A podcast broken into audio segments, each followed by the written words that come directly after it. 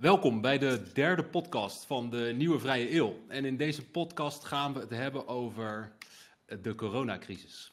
Ruim een maand geleden is ons leven totaal op zijn kop gezet. En net als zoveel stoeien we sindsdien met de vraag: wat zullen hier de gevolgen van zijn? Hoe gaan we daarmee om? Maar ook wat zouden we willen dat hier de gevolgen van zijn? En hoe krijgen we dat voor elkaar? En natuurlijk, wat betekent dit voor onze ontluikende gedachten over een nieuwe eeuw met meer vrijheid dan alle eeuwen achter ons? Dus we gaan in deze podcast meedoen aan het nieuwe gezelschapsspel De Toekomst voorspellen. Maar dan wel op onze eigen manier. Met ons eigen gereedschapskistje van mentale modellen, behavioral design, gedragswetenschap en andere vette shit die je kunt leren als jij zijn boek leest. Wij zijn Tom de Bruyne, Mark Thiessen en Tim Versnel. En um, we gaan beginnen. Shit, wat een mooie intro. Lekker. Dit wordt echt iedere aflevering beter. Ja, ik heb hier wel echt mijn best op gedaan, Mark. Ja, ja. Dankjewel. Kunnen we, kunnen we beter stoppen nu? Je, hebt ook een soort DJ-stem nu, dus, dus, ja, ik weet niet. Ja, ik hoor het vaker. Ja, ja, ja. ik krijg spontaan zin in uh, Radio Veronica nu. Ja. Eh, maar jongens, uh, ik ga jullie wel gelijk uh, voor het blok zetten. Want um, wij hebben een appgroepje waarin wij eigenlijk doorlopend alles bespreken wat zich zo in de wereld voordoet. En ik kan mij nog heel goed herinneren dat uh, op die eerste dag dat die crisis serieus uitbrak, dat was volgens mij die maandag, hè, dat de eerste olieprijzen instortten en vervolgens uh, de, halve wereld uh, in lockdown ging. En toen kwam in dat appgroepje, en dat hield maar niet op, ineens de term anti-fragility voorbij. En ik wist in eerste instantie totaal niet waar dat over ging, behalve dat ik het gewoon voor mezelf letterlijk probeerde te vertalen. Maar dat, daar blijkt een, dat blijkt een heel boek te zijn, blijkt een heel interessante theorie eigenlijk achter te zitten. Um, en ik wil jullie eigenlijk allereerst vragen, uh, Tom en Mark, wat is dat nou, dat anti-fragility? Want jullie hebben er ook al een artikel over geschreven, uh, meerdere denk ik inmiddels. Dus doe dat eens uit de doeken.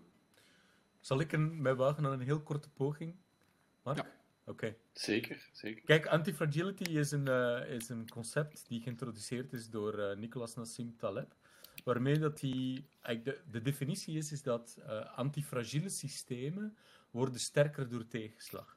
Nu, um, hij, bouwt eigenlijk dit, dit, concept op door, door zich de vraag te stellen, wat is het tegenovergestelde van, um, van robuust? Uh, of van, sorry, wat is het tegenovergestelde van fragiel? Hij zegt, is robuuste tegenovergestelde van fragiel? Of, of moeten eigenlijk een nieuw woord bedenken? En um, hij is, is eigenlijk zijn redenering is van wij, um, wij bouwen systemen op. En een systeem kan zijn een economie of een, of een land of, of de gezondheidszorg of de vrije markt. Wij bouwen die op vanuit een steeds grotere behoefte om die efficiënter te maken. Um, en hij zegt van de, dit, dit, deze noodzaak om die steeds efficiënter en rendabeler te maken, die, houdt, uh, die, die kan je volhouden zolang dat eigenlijk de... Hij, hij, hij, hij definieert twee werelden, Normalistan en Extremistan. Zegt hij, zolang we leven in Normalistan, dan uh, kan je eigenlijk proberen, um, constant proberen systemen efficiënter maken, rendabeler te maken, kostefficiënter te maken, omdat je ervan uitgaat dat morgen dat eigenlijk de toekomst steeds beter wordt. En dat morgen steeds nog beter is als vandaag. Dat, dat er meer geld is, de markt groter is, de taart steeds groter wordt. Um, de waarde van je bedrijf steeds groter wordt. Waardoor dat je steeds meer in de, in de marges kan gaan knippen om vooral die, um, en met name in de beurs is dat uiteraard zo, om vooral die manisch-depressieve uh, aandeelhouder steeds meer naar de pijpen te dansen, zodat hij elk kwartaal niet teleurgesteld in je is. Maar um, de, uh, Nassim Taleb argumenteert in zijn eerder boek, The Black Swan, dat er niet zoiets bestaat als Normalistan, dat altijd op een bepaald moment Extremistan toeslaat. En dat is dat uh, de wereld is normaal tot op een dag ineens er een, uh, een, een totaal onverwachts even evenement gebeurt, waardoor alles op zijn kop gaat. Een beurscrash, een coronavirus. En dan zegt hij, als, je, uh, als er zo'n zo'n voorspelbaar, onvoorspelbaar event plots toeslaat, dan zie je eigenlijk, uh, ja, dan zie je pas echt wie, uh, wie er gewoon niet voorbereid is. En alle systemen die super geoptimaliseerd zijn voor goede tijden, die blijken dan ineens in slechte tijden geen reserves te hebben, volstrekt niet in staat te zijn om snel en wendbaar de koers te, te, te, wijzigen. En dus hij heeft heel veel geld verdiend op de beurs door letterlijk um, hij was ehm, fondsbelegger en hij zei van oké, ik zet al het geld in op een verzekering tegen een beurscrash.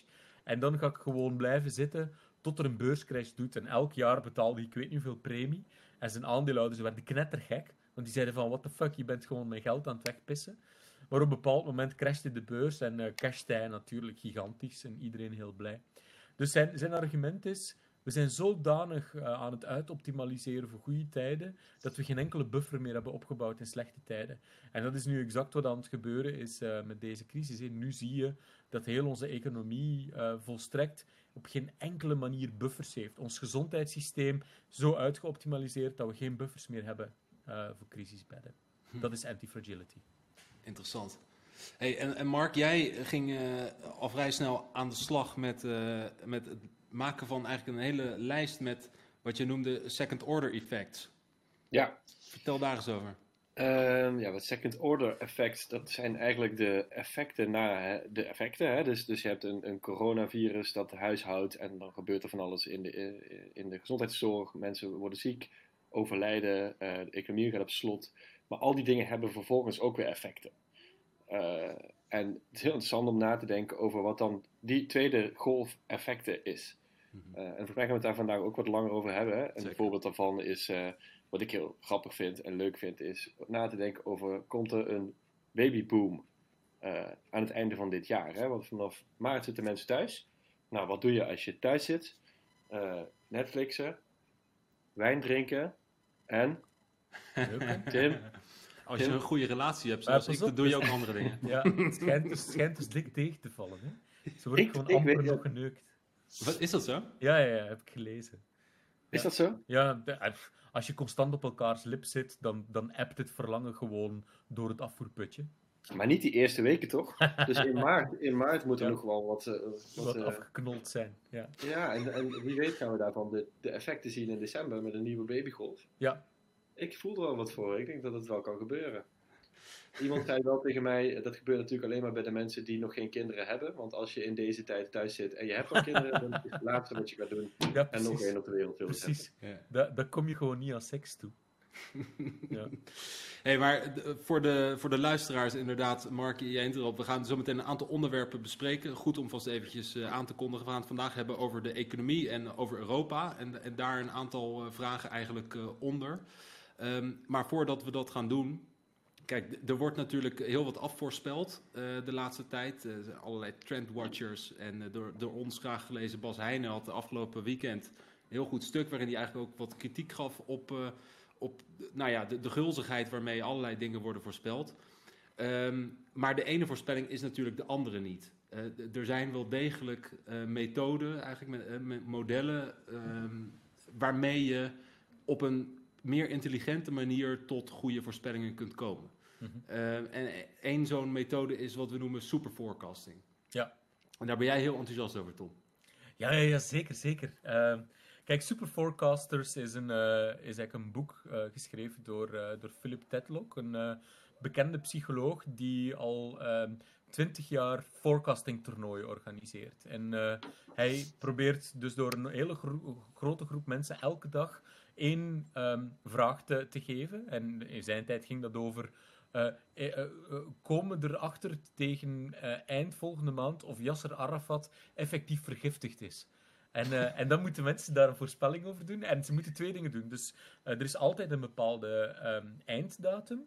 En ze moeten een zekerheidsmarge geven. Dus ik ben 60% zeker dat er effectief uh, boven water zal komen dat Yasser Arafat uh, vergiftigd is. Ja, in, in, en dan over drie maanden komt dat over buiten. Drie maanden, hè? ja. Niet uh, over vijf jaar. En dus, Want dat is het verschil een beetje met wat je nu ziet gebeuren, denk ik. Hè? Dus, ja. dus ik ben best wel sceptisch namelijk over voorspellingen maken, ook als ik ze zelf maak. en een van de dingen die mij opviel vanaf het begin van deze coronacrisis is hoeveel laten we zeggen, rare, onvolledige informatie je voorbij ziet komen. Uh, waar mensen eigenlijk blind in, in gaan geloven. Hè? Dus ik, ik weet nog in die eerste week zag je heel veel grafiekjes van bepaalde, uh, uh, ja, laten we zeggen, bloggers of wat dan ook voorbij komen. Waarin parallellen getrokken werden tussen verschillende landen. Maar op basis van informatie die niet volledig was. Hè? Dus, dus in die eerste week was het, kijk, Nederland zit precies op de lijn van Italië. En dat weten we omdat we het aantal besmette gevallen uh, vergelijken. Maar dat zegt natuurlijk helemaal niets. Het aantal besmette gevallen alleen is niks. Mm Je kan pas iets zeggen als je weet hoeveel mensen er ook getest zijn. Of zaken als de bevolkingsgrootte ernaast gaat leggen. Verder heeft het eigenlijk niet zoveel informatiewaarde. En toch zag je dat mensen dat miljoenen keren gingen delen, dat soort grafiekjes. Puur en alleen omdat het eigenlijk aansloot bij, bij, uh, bij angst. Hè? Bij iets wat ze misschien wel wilden geloven dat het heel erg zou kunnen worden. Nou, en ja. ik ben dus heel voorzichtig geweest vanaf het begin met, met dat soort informatie tot me nemen. Dus altijd als je iets ziet in dit soort tijden, probeer om zo rationeel mogelijk te kijken naar wat de cijfers die mensen je laten zien. Uh, de grafiekjes moet je eigenlijk nooit, moet eigenlijk niet naar grafiekjes kijken, heb ik geleerd. Er zit altijd iets in aan die knop. Ja, ja, of wat, wat zeg maar, suggestief of onvolledig is. Ja. Uh, en hetzelfde geldt voor die voorspellingen, hè, want dat schrijft Bas Heijnen ook. Uh, de, de communistische heilstaat is volgens mij al uitgeroepen, maar ook die liberale heilstaat is al uitgeroepen. Nu komt dan de groene revolutie. ja, de groene revolutie. Hè, dus volgens mij kan je het aantal artikelen dat begint met eindelijk komt er een einde aan, ja, puntje, ja, ja. puntje, die kan je inmiddels al niet meer tellen. Maar daarop, in, daarop inpikkend, uh, Titlock is, is vooral bekend geworden met zijn, uh, met zijn fameuze boetade, dat uh, pundits, bekende tv-voorspellers, eigenlijk niet, niet beter voorspellen dan dart-throwing chimps. Ja, ja. en, en, en, maar wat, wat die heel goed doen, is ze klinken heel redelijk. Dus ze hebben een heel narratief, waardoor ze het heel aan één aannemelijk, aannemelijk doen klinken, redelijk doen klinken. Um, maar twee, dat ze zich toch altijd uh, niet committeren aan, aan specifieke data en aan zekerheidsgrenzen, waardoor ze eigenlijk nooit kunnen, kunnen gefalsifieerd worden. Ze van, ja, ja, ja, ik zei dat wel, maar, maar wacht maar, het kan nog altijd gebeuren. Ja. Um, ik vind... En mensen met, met veel zelfvertrouwen. Hè? ja, ja, precies. Ja. Want welke mensen durven een voorspelling aan? Zeker mensen die uh, zeg maar, een voorspelling maken die volgens hun sowieso gaat gebeuren. Dat zijn mensen met heel veel zelfvertrouwen. Dat zijn ook de mensen vaak die die verhalen kunnen vertellen. En dat zijn dus ook de mensen die gehoor vinden. Terwijl uit, uit onderzoek blijkt dat juist mensen met zelfvertrouwen vaak de slechtste voorspellers zijn. Omdat ze veel te veel waarde hechten aan hun eigen eerste analyse, zeg maar. En dus ook niet in staat zijn om die ja, te falsifiëren. Om, om informatie die binnenkomt dat is ook wat, testen op wat ze willen. Dat is ook wat, wat Kahneman uh, heel goed beschrijft in zijn boek uh, Thinking Fast and Slow. Het belangrijke verschil tussen uh, aannemelijkheid en waarschijnlijkheid. Ja. Dus inderdaad, die, die experts met zelfvertrouwen, die zijn heel goed in staat om verschillende, om een aantal feitjes bij elkaar te pakken en daar eigenlijk een verhaal uit te construeren wat heel aannemelijk klinkt. Ehm, wat klinkt als iets dat waar zou kunnen zijn, maar dat zegt niks over de mate van waarschijnlijkheid. Dus eh, de onderbouwing van of dat daadwerkelijk klopt. Ja. En zeker in kwesties als politiek, uh, economie, zie je dat natuurlijk heel veel. Ook politieke duiders, een van mijn grote persoonlijke ergernissen. Uh, zo, zo is, we komen straks nog over Europa te spreken, maar um, er is natuurlijk een heftige politieke strijd gaande geweest tussen Italië en Nederland. En de heftige inzet van Nederland daarbij werd door allerlei duiders um, geconstrueerd als een gevolg van een soort botsende ego's strijd tussen uh, de minister van Financiën en de minister-president, dus tegen Hoekstra en Rutte. Um, en dat was een, een, heel fantastisch aannemelijk verhaal, wat ook intapt op alle uh, achterdocht die mensen hebben ten opzichte van politici. Dat ze vooral zijn bezig, uh, bezig zijn met de ego-manifestatie, maar zonder enige feitelijke basis. En, en dat is eigenlijk een heel simpel, klein voorbeeld van iets wat je aan de lopende band ziet gebeuren. Dat mensen eigenlijk een selectie maken, onbewust ook vaak, van factoren die ze goed uitkomen. Uh, of die passen in een beeld wat ze al hadden, of die passen in een beeld wat ze zouden willen dat waar is. En daar wordt dan de voorspelling uit geconstrueerd. Maar wij doen dat toch ook eigenlijk? Ja, nou, en, dat is en dat is dan de vraag waar, waar, ik, waar ik nu naartoe wil werken. Want kijk, het is natuurlijk heel spannend om een datum te noemen en daar een percentage aan te hangen. Um, maar de vraag is natuurlijk van hoe komen we daartoe op een manier uh, dat dat ook echt, echt de validiteit heeft. Maar het valt me namelijk gewoon op. Hè? Dus, dus ik heb een bepaald uh, gevoel bij iets, een coronacrisis of, of een politicus of wat dan ook. Alles wat ik zie wordt eigenlijk in eerste instantie beoordeeld door dat gevoel. Dus als ik een grafiekje zie met een bepaalde lijn erin die wijst op wat ik al dacht, dan ga ik eigenlijk alleen maar checken of de cijfertjes in de, in de assen kloppen of zo. Het bewijst wat ik dacht, dus dat is gaaf, toch? En, en ben helemaal niet meer kritisch op de informatie. En nu ik er zo op aan het letten ben de afgelopen weken, bij alles wat ik zie, merk ik hoe moeilijk dat is om dat gevoel uit te schakelen. Ja. Hè? Dus dat, dat, dat gevoel van, dit klopt. Terwijl, waarom eigenlijk? Het is gewoon een grafiekje. Nou, wat, se ehm, kloppen. Wat, Ja. wat, Tetlock, eh, eh, wat interessant is aan het werk van Tetlock en, en wat die superforecasters onderscheidt van normale stervelingen. De superforecasters zijn mensen die gewoon consistent gewoon goede voorspellingen doen. En ehm, hij zegt van, er zijn een aantal eigenschappen van die mensen. Eerst is, eh, het zijn base raters, zegt hij. Dus eh, ze laten zich niet gek maken door, eh, door, de, door eigenlijk de, de specifieke ehm, eigenschappen van het, het, huidige, het huidige probleem. Ze gaan gewoon kijken van wat zijn vergelijkbare situaties en wat gebeurde toen. Laten we dat eens als vertrekpunt nemen. En van daaruit gaan we onze voorspelling na- naar links of naar rechts gaan bijschuiven. En een tweede is, is ze stellen constant bij. Dus ehm, hij heeft ook een bepaald moment teams van superforecasters gemaakt. En die zijn geobsedeerd bezig met eigenlijk constant te proberen eh, het standpunt dat ze vandaag hadden, met, met tegengestelde feiten te proberen te kijken of ze het kunnen aanscherpen. En dus ze besluiten dan elke dag van, "Hmm, ik was gisteren 60% zeker dat eh, bijvoorbeeld de kinderopvang ehm 1 mei gaat opengaan. Wel, ehm, ik ben nu 70%, want er is een element bijgekomen die gisteren nog niet was. Bijvoorbeeld... hele rare mensen. Ja. Nee, nee, nee. Dit, dit is gewoon super rationele mensen die er scheid aan hebben eh, om, om gelijk te hebben. Die ik zelfs niks leuker Dat is vinden. zo vet. Ja. Dat is zo vet. Ja, da- dan, dan eigenlijk te- conflicterende informatie gaan zoeken, zodat hun, hun, de, de granulariteit van hun voorspelling daardoor kan, eh, kan verbeteren. Ja, dat is heel vet. Zullen we het gewoon eens gaan proberen dan? Ja, nou, we gaan het... eh, we gaan, goed idee, Mark. Hey, verdomme. Dus we gaan, we gaan het eerst eens even over de economie hebben. Want dat is natuurlijk ehm, een van de meest prangende thema's naast de gezondheid van mensen op dit moment. Heel veel mensen zitten ineens zonder werk. Eh, heel veel bedrijven eh, kunnen niet meer produceren of kunnen wat ze produceren niet meer verkopen. Dus de economie wordt heel hard getroffen. En er zijn verschillende voorspellingen gedaan door allerlei belangrijke instanties die daarvoor zijn. Van, eh, van, het, ehm, van het CPB tot internationale, het, tot de IMF bijvoorbeeld. En die voorspellen allemaal verschillende maten van recessies. Wij gaan het even specifiek hebben over de woningmarkt. Ehm, Ja. Mark, jij... Uit, uit eigen belang. Uit trouwens. eigen belang, ja. eh, Weder tegengesteld eigen belang, denk ik. Want het is in jouw belang dat, het, dat de prijzen niet dalen. En in mijn belang dat het Nee, wel hoor. gebeurt. Dus Nee, dat wordt voor interessant. Voor mij mogen ze dalen. Het zou goed zijn. Als het 5% daalt, is het voor mij top. Nou, mooi. Hey, ehm, de stelling is: wat is de kans, of de vraag is Mag eigenlijk. ik even, want als iemand die luistert dus nog een heel mooi huis in Maastricht heeft, in de prijscategorie 3,5 tot 4,5 ton, en die wil dat liever niet op de markt zetten, maar onderhands aan iemand verkopen, Aan iemand gunnen. dan weet je me te vinden. Heel goed. Als iemand nog een huis te verkopen heeft in Rotterdam eh, onder de marktwaarde, dan ben ik ervoor eh, beschikbaar.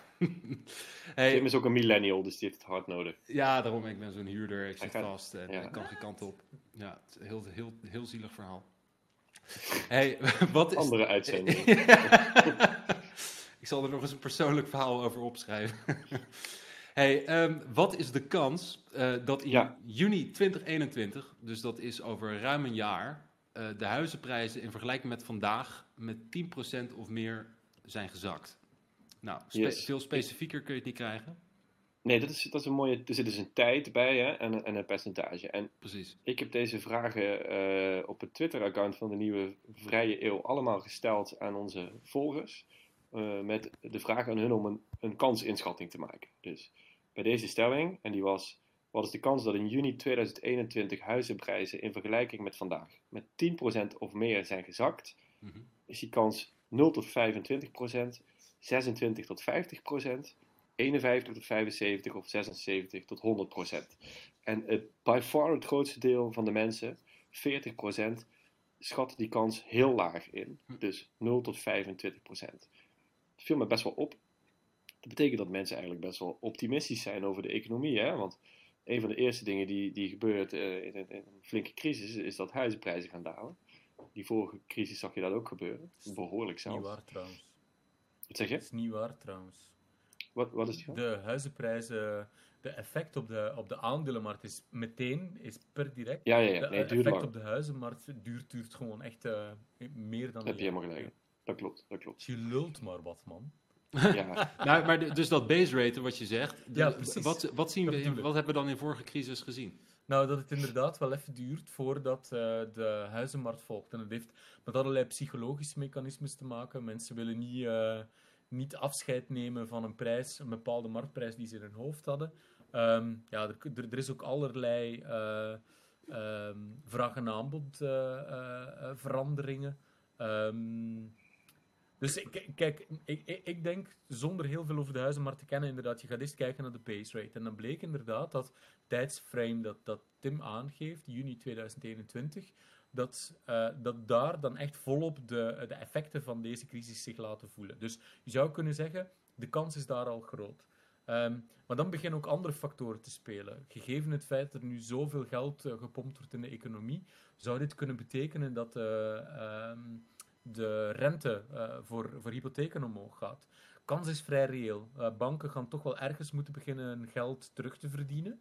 Eh, en dus gaan de hypotheekprijzen omhoog. Zeker in Nederland, met toch wel een huizenmarkt waar dat flink, ehm, een flinke bubbel. Enfin, er zijn ook de meningen over verdeeld of er een bubbel is.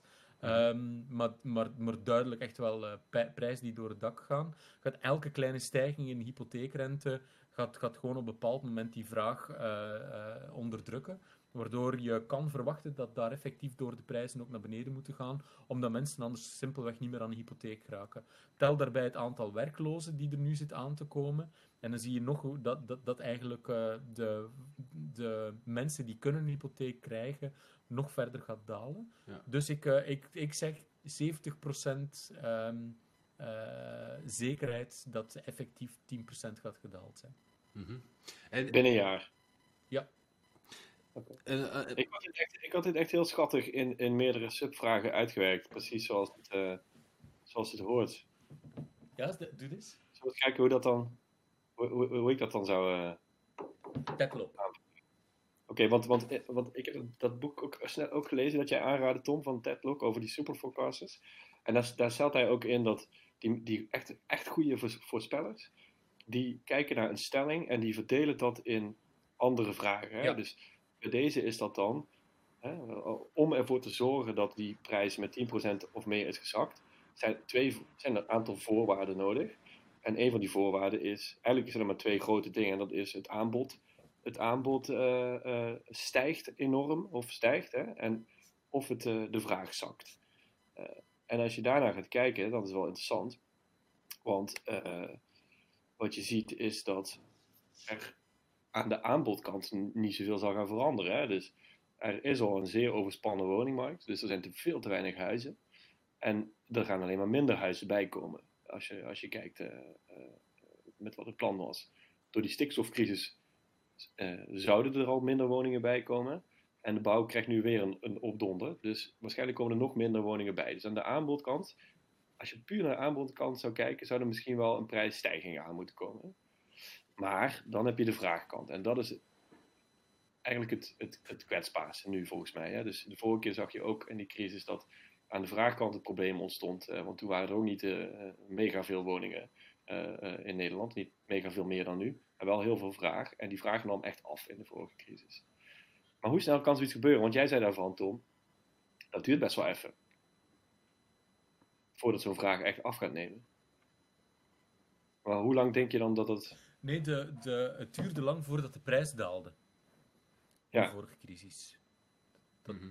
En lang is dan eh, een jaar of twee Ja, jaar? dat, Was- dat was zelfs twee jaar, meen ik mij te herinneren. En Ja. ik, durf nu, ik heb nu de cijfers niet paraat. Dus ik ben nu niet goed aan het superforecasten. Ja, hoe- want hoe ging dat toen? Hè? Dat is natuurlijk een hele andere crisis geweest. Omdat het best wel lang duurde eer die er, er was. Of zo. Hè? Dus, dus ja. dat- dat- ja, en het begon ook als financiële crisis. Hè? Ja, het was een dat is ook anders. Ja. Ja. En die aanloop duurde al een jaar of zo. En toen kwam Lehman nog. En daarna duurde het volgens mij nog een jaar eer het echt hier, eh, eer het echt hier losbarstte. Lehman was in 2008 en ei- eigenlijk echt de crisis in de reële economie was echt pas 2010, 2011 in Europa. Exact.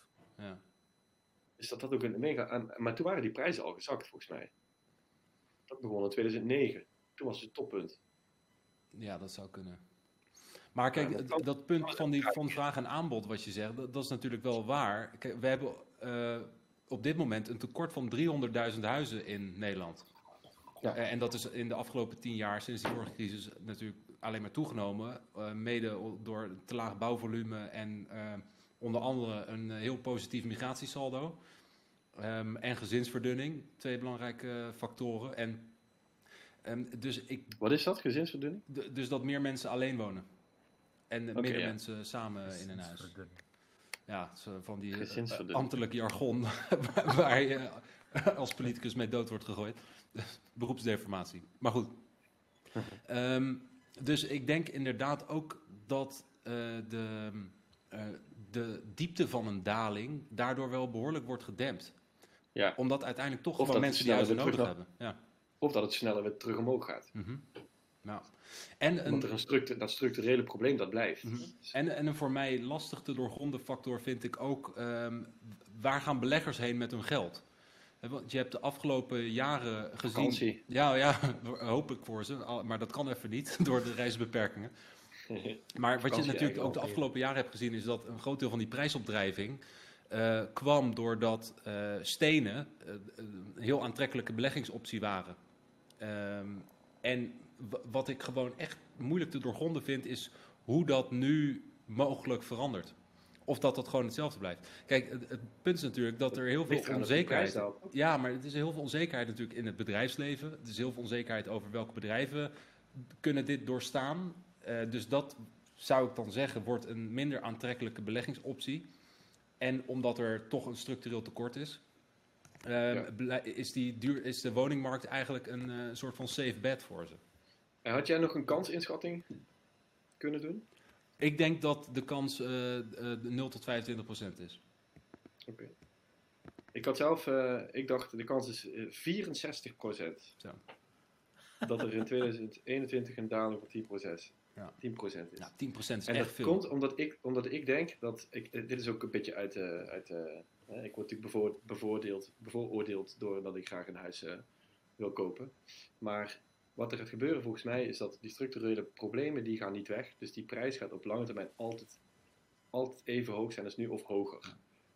Totdat er heel veel huizen bij komen hè? Of, of, of mensen massaal overlijden. Wat nu trouwens ook aan het gebeuren is. Maar je zei, in de vorige keer... Maar, sorry. Dus ja, wat wil je zeggen? Nou ja, in de vorige crisis, en dat is dan weer het, het moeilijke met voorspellen. Wat, wat je in de vorige crisis zag, was dat die uh, injecteren van ongelooflijk veel goedkoop kapitaal in markten, zorgde ervoor dat echt partijen die gewoon dat, dat goedkoop kapitaal gingen gaan uh, ophalen, om die echt dan volop inderdaad in, uh, in bijvoorbeeld in de woningmarkt te gaan investeren ja, de, de, die durven gewoon dan met dat geld die volop vanuit overheden beschikbaar is, of vanuit banken beschikbaar is, die durven daar dingen mee gaan doen. En wat je nu inderdaad ziet, is dat er zoveel markten zijn waar dat er, uh, laten we zeggen, gewonde markten, gewonde diermarkten zijn, waar dat degenen die echt um, toegang hebben tot het goedkoop kapitaal, ja, als soort roofdieren weer uh, gewonde prooien zullen naar zich toe trekken. Wat uiteindelijk op lange termijn weer een enorme impact zal hebben op, op ja. prijzen. Dus, ja, want, want dat is. Als je zeg maar uh, de, de, structurele problemen, dat structurele tekort aan woningen niet oplost, maar de prijzen zouden wel gaan zakken, wat ik wel denk, omdat als je je verplaatst in, in mensen op de, die actief willen zijn op de woningmarkt.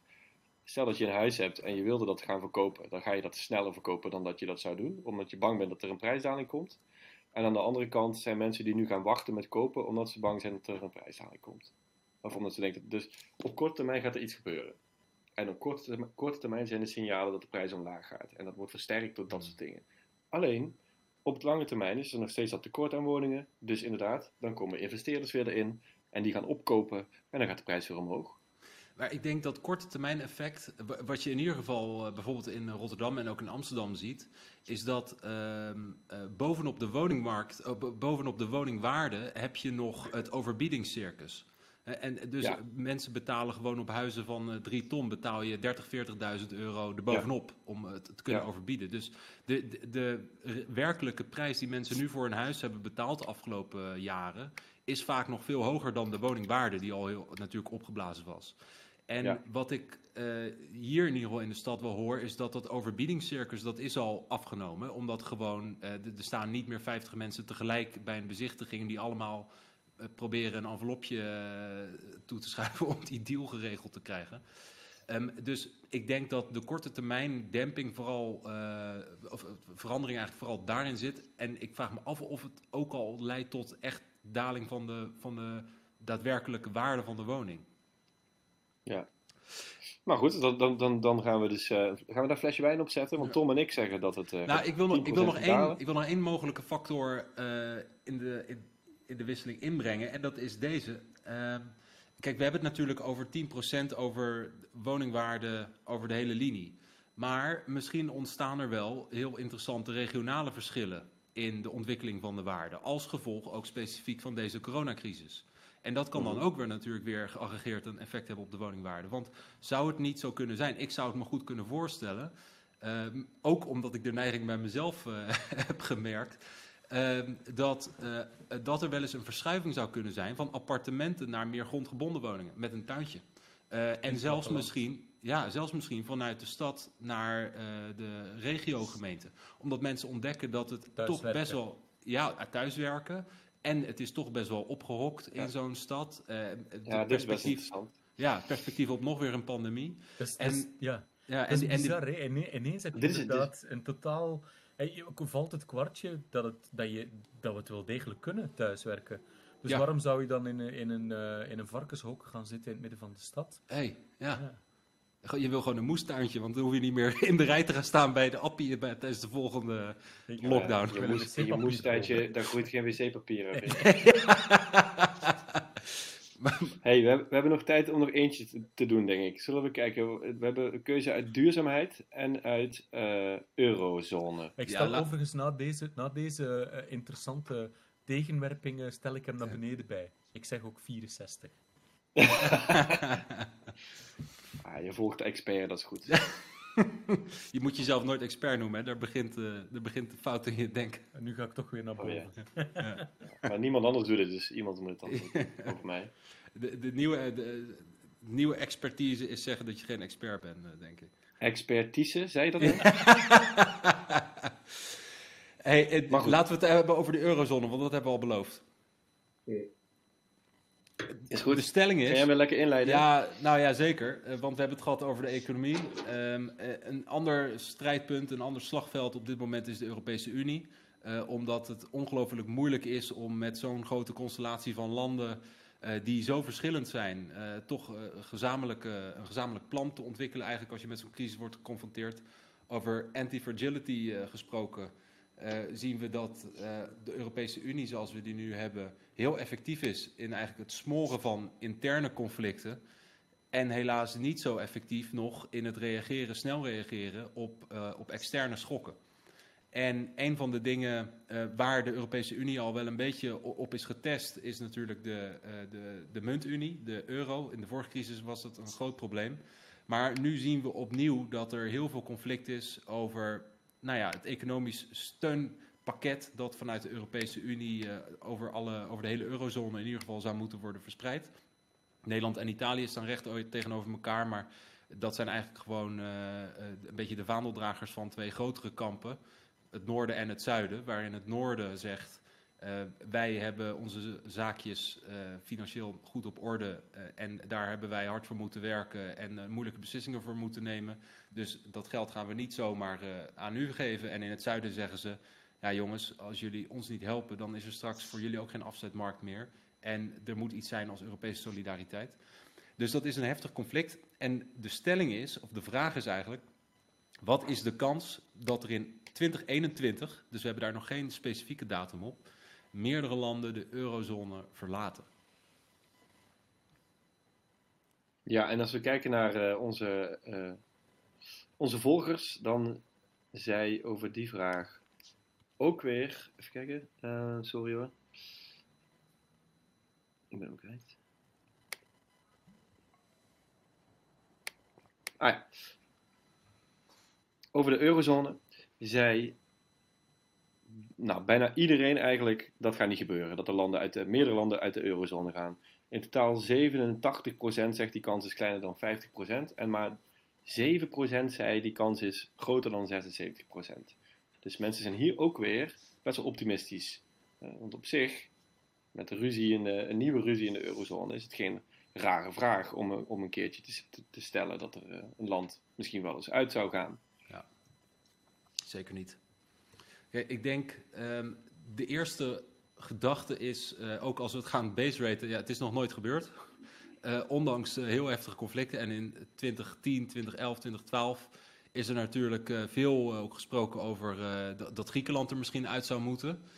maar dat was toen omdat de rest ze er mogelijk uit wilde hebben omdat ze gewoon te zwak waren.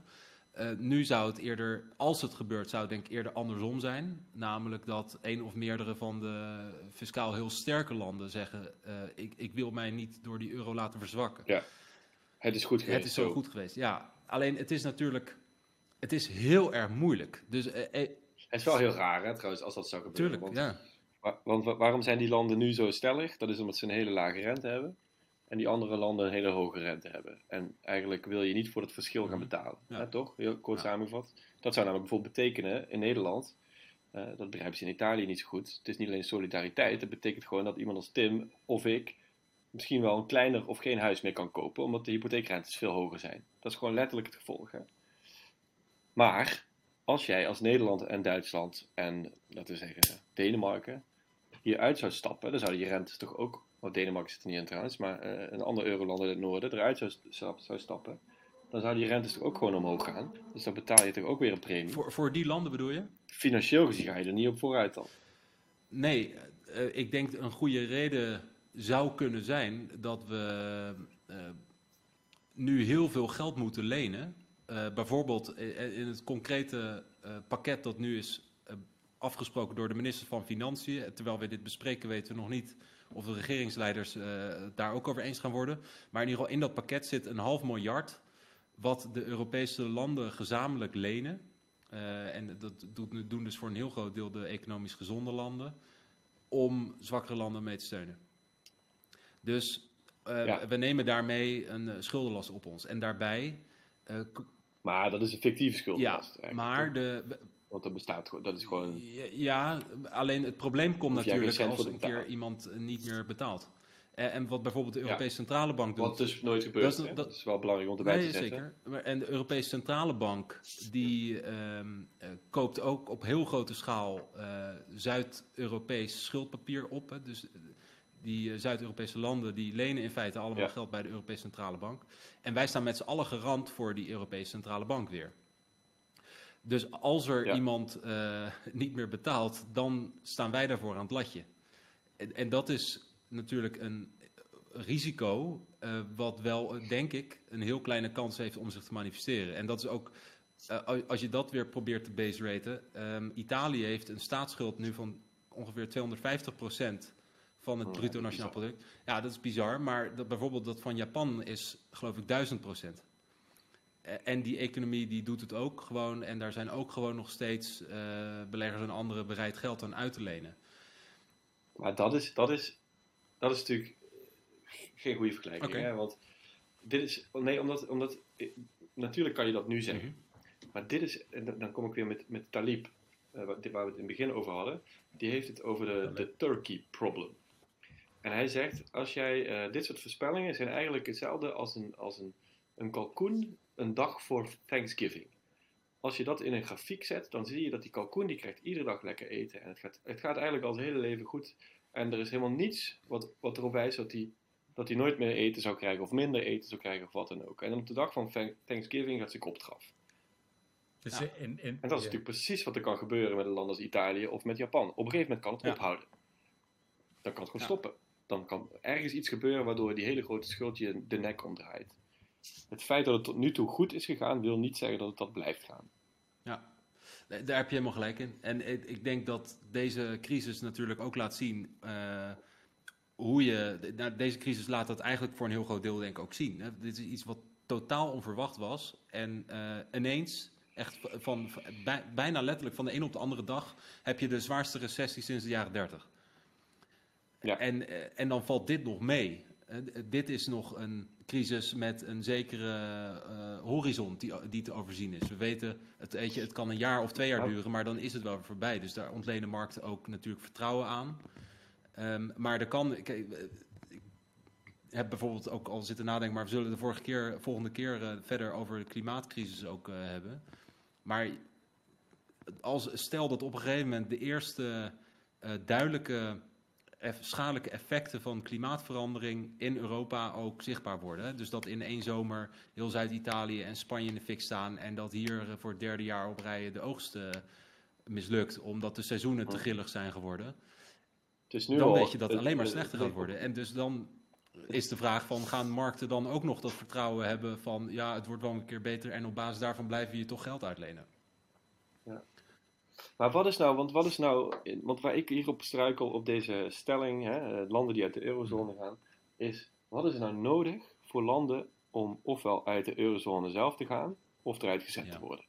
Maar wat is daarvoor nodig? En ik vind dat heel moeilijk om dat ja. in te schatten, want ik heb die Griekse crisis van dichtbij meegemaakt in de tweede, toen ik werkte in de Tweede Kamer. Uh, daar kon je hele rationele modellen op loslaten, hè, berekeningen op loslaten, maar het ging nooit, het ging nooit, op, op, uh, het ging nooit over dit is het moment waarop het in ons voordeel of ons nadeel zou zijn om Griekenland steun te weigeren of Griekenland uit de euro. Het was altijd een hele andere discussie. En dat speelde nog veel meer op, omdat je in Brussel altijd zit met nog 26 andere uh, regeringshoofden. En het is bijna niet mogelijk om je kruid droog te houden daar. Hè? Dus je kan daarheen gaan, je kan uh, om 7 uur een vergadering ingaan met het standpunt: wij gaan geen hulp geven aan Italië. En om 6 uur s ochtends uh, ga je toch gewoon om. Ja. Omdat de druk zo hoog is, omdat je ook al weet dat als je weigert, dat echt, het is een zwart gat waar je ingaat. Hè? Je weet niet wat er gaat gebeuren. Stel dat je Italië laat vallen, je weet niet wat er gaat gebeuren. Je kan net zo goed op je eigen land keihard terugslaan. Ja. Dus wat is er nodig om ervoor te zorgen dat het land daadwerkelijk uit de eurozone ja. zou gaan? Ik vind dat echt Ja, de drempel is ook gewoon extreem hoog. Hè? Uh, ik wil, althans, dat denk ik. Uh, dat is een, deels een aanname, maar um, de kosten alleen al, gewoon de directe kosten om uh, weer een eigen valuta in te voeren, uh, zijn vrij fors. En volgens mij heeft de PVV notabene dat wel eens laten berekenen. En, en dan kom je volgens mij op 30, 40 miljard sowieso uit. Ja. En dat is natuurlijk ja, best een drempel. En, en je weet niet, je weet, het erg is dat je gewoon, je weet het gewoon niet, hè, wat er gaat gebeuren. Nee, nee, precies. Maar bijvoorbeeld, want, want, want wij, Nederland is nu heel stoer over, over uh, eurobonds. Uh, maar stel je voor, over een half jaar blijkt dat Italië gewoon echt op om, omvallen staat. En het is niet alleen Italië, het is ook Spanje en Frankrijk. Ja. En dan komt het wederom op tafel. En moeten nu eurobonds komen. Ja. Wat gaan we dan doen? Ja. Gaan we dan nee zeggen? Ik geloof daar helemaal niks van. Nou ja, ja de vraag is, ze zijn... Ik denk dat we om vijf, voor zes ochtends gewoon door de bocht gaan. Ja, ze zijn too big to fail, maar misschien ook too big to save. Heb ik wel eens ergens gelezen. En daar moet je. Kijk, Italië is natuurlijk zo'n e enorme economie. En zeker. Maar dat ga je niet zeggen om vijf of zes uh, s ochtends, hè? Na, na twaalf uur vergadering. Dan gaat echt niemand het uh, abstracte punt uh, aanhalen. Ja, ze zijn too big to fail, maar ook een beetje too big to save.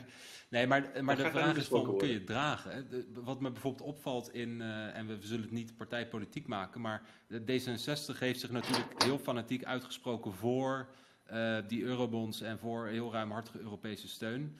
En in, in het mentale model dat ik bij hen, dat ik voor zover ik dat kan construeren uit, uit hun betogen, houden ze met één heel belangrijke factor gewoon nooit rekening. En dat is, uh, gaan onze mensen dit trekken? Um, of krijg je, uh, ga je niet een te zware uh, populistische terugslag eigenlijk onvermijdelijk maken op het moment dat je heel ver gaat in het delen van onze welvaart? En, en ik ben er wel van overtuigd. De, en je, je, hebt dat natuurlijk. Dat klopt toch ook niet? Nou, dat vraag me af. De, de populistische maar, terugslag maar, sinds de vorige eurocrisis. Nee, maar de, okay, nee, dat, dat, dat, klopt. Dat klopt. Natuurlijk. Ja. Die gaat er komen. Maar dat, dat punt over het delen van de welvaart. Je, je hebt, aan, aan, beide kanten gaat het eigenlijk alleen maar over gevoel. Hè? Dus, dus in Nederland denken we. Italianen die werken niet en Grieken die werken niet en wij werken wel. En zij willen ons geld afpakken. En in, in Italië denken ze hoezo helpen jullie ons niet? Het water staat aan de lippen, jullie zijn asociaal, we hebben dit nu nodig. Ja. Maar aan beide kanten klopt het natuurlijk niet helemaal. Want dat is echt Nee, maar dat rentevoorbeeld wat jij net gaf. Het, bedoel, het zou dat dus daadwerkelijk... Maar waarom denk je dat de rente hier zo laag is? Nee, maar het... waarom, is op, waarom is op bepaalde plekken de rente laag in de eurozone en op andere plekken iets hoger? Ja, dat is gewoon een vergelijking. Ja, dat, zijn, dat zijn communicerende vaten. Dus ze vluchten naar jou omdat het in een ander land slecht gaat. Dat is niet omdat we, dat- de- de- het punt, wij zijn geweldig, daarom is de rente laag, dat is echt onzin. Ja. Dat is echt onzin. Het heeft er een beetje mee te maken, maar het heeft er net zo goed mee te maken hoe andere, rente, hoe andere situaties in andere landen zijn. Ja. Op het moment dat je eruit st- uitstapt, blijft je rente, als je op jezelf bent, echt niet even laag zoals die nu is. Ja, maar kunnen we dat ook eh base raten? Hoe, hoe zit dat bijvoorbeeld met eh, Noorwegen, niet gebeurd, andere niet-eurolanden? Die hebben ook Wij een lage lagere rente. Niet zo laag. Hey Tom, jij zit eh, te luisteren. Ik zag je een paar keer aanstal te maken. Eh, Brexit. Ja, ja. Da- Punt. In België werkt toch ook niemand, Tom? Dan gaat iedereen met zijn 45 met pensioen en zijn ze allemaal op ons geld uit, joh. Waar? In Oh. België. Ja, die tijd is gepasseerd. Ja. Ik, ik, ehm, ja, ik, ik vind hem ontzettend moeilijk. Eh, Hmm. Dus ik blijf inderdaad van. Eh, voor, elk argument is er een tegenargument. De base rate is inderdaad. eh, niemand stapt eruit tenzij ze ineens ehm, eh, ten prooi vallen aan een soort onafhankelijkheidsfantasma. waar dat iedereen helemaal dronken van wordt. wat uiteindelijk tot Brexit geleid heeft. Maar er is geen enkel ander land die dat onafhankelijkheidsfantasma heeft. Ehm, volgend jaar is, of vanaf binnenkort, is Merkel voorzitter van de Europese Raad, dus ik verwacht er ook stabiliteit. En ik eh, blijf bij mijn base rate bijgevolg dat eh, iedereen er alle belang bij heeft dat deze eurozone aan elkaar blijft Ja. en dat er genoeg instrumenten zijn, financiële instrumenten, om stabiliteit te creëren. Zeker aangezien dat de euro ook al de financiële crisis overleefd heeft. ja, precies. Punt. De, wat- en dus heb je een percentage? Ik zeg, ehm, nou ja, eh, de vraag was, eh, gaat in 2021 er een land de eurozone uit? Op basis van die base rate gedachtes zeg ik nee, en daar ben ik toch wel 80% zeker van. Ja. Ik sluit me daarbij aan. Ja, ik ook. Hey, Ik zat ook rond, rond dat percentage. en, en als we het eh, hebben over de eh, vraag waarschijnlijkheid, moet je het ook even hebben nog, want we zijn ook bezig natuurlijk om eh, de nieuwe vrije eeuw te ontwerpen. Is Ja. het vanuit dat perspectief wenselijk? wenselijk? Ja. Hey, weet je, ik ben altijd voor Eurobonds geweest, dus dikke Ja, prima, echt? man. Weet, ja, zeker weten. Dat is fantastisch. Het is gewoon fantastisch. Je zit in een euro, in een muntunie met elkaar. Hoezo zou je dat soort dingen niet doen? Denk je nou echt dat het op de lange termijn de, eh, ons gigantisch veel meer geld zou kosten dan nu? Dat is echt onzin. Het levert je voordelen op, het levert je nadelen op. Waar ik me wel aan erger, en waarom ik nu misschien wel een beetje tegen eurobonds ben, is omdat die Italianen en die Fransen en die Spanjaarden dit moment misbruiken om het af te dwingen. En dat kan niet. Je kan niet zeggen op dit moment, kijk eens wat er allemaal aan de hand is. Nu moeten jullie ons onze zin geven, hetgene geven waar we al tien jaar om vragen. Dat kan niet, man. Dat is alsof je vrouw heel erg ziek in bed ligt en zegt, nu moet je toch eens eventjes dat kastje in elkaar gaan zetten. Terwijl ik daar al gewoon eigenlijk een maand lang geen zin in heb. Dat is niet oké. Dat moet je niet misbruiken. Bespreek dat lekker op het moment dat ze straks voorbij is. E- Emotie en ratio, het blijft lastig. Wat een kutmetafoor. Ja, maar zo zie je dus, hè, door, door Ja. emotie word ik dus tijdelijk tegen Eurobonds. Ja. Mooi. hey jongens, we gaan er eh, voor deze keer een eind aan breien. Ehm, volgende keer gaan we het hebben over eh, klimaat en vrijheid. eh, in het kader ook van de, de coronacrisis en de gevolgen daarvan. Ehm, en ik denk dat als we vandaag al één ding hebben geleerd is eh, eh, voorspellen. Don't try this at home. Ja, precies. Nee, dat- dat vind ik ook echt. De, de, dus- nee, de uitkomst is, is eh, nee tegen gratuit eh, voorspellen. Ik, ik, ik zag ook nog even heel kort. Ik zag deze week een voorspelling van ING over, de, over het tweede en derde kwartaal van de economie. En ik dacht van. Dat is compleet pointless. En is niet alleen pointless, het is ook gewoon gevaarlijk. Want als ING dit zegt, dan zijn wellicht ook talloze partijen die zich erop gaan baseren. Ja. Om uiteindelijk op basis van die cijfers te gaan handelen. En je wordt uiteindelijk nooit afgestraft voor compleet van de pot gerukte voorspellingen. Eh, dus, dus ik, eh, gelukkig maar. ik denk eh, inderdaad, super forecasten kan een enorm interessant instrument zijn voor beleidsmakers om echt beter collectief na te denken over waar durven we ons geld op inzetten. Precies. En het is best wel leuk ook, hè? Ik vind het heel leuk. Ja. Dus we gaan het volgende week nog een Ja. keer doen. Geil. Geil. Ja. Toch weer, hè? Toch Dus, eh, weer. intussen is het constant vanuit de ghetto uit Rotterdam. eh, Ja, ik zit in Feyenoord jongens hier. Ah, oké. Dus Ja. eh, het is een paar keer per dag raak. Mooi. Sluit jij hem weer af, Tim? Hey, mensen, bedankt voor het luisteren. Ehm, tot de volgende keer. Doei. Doei.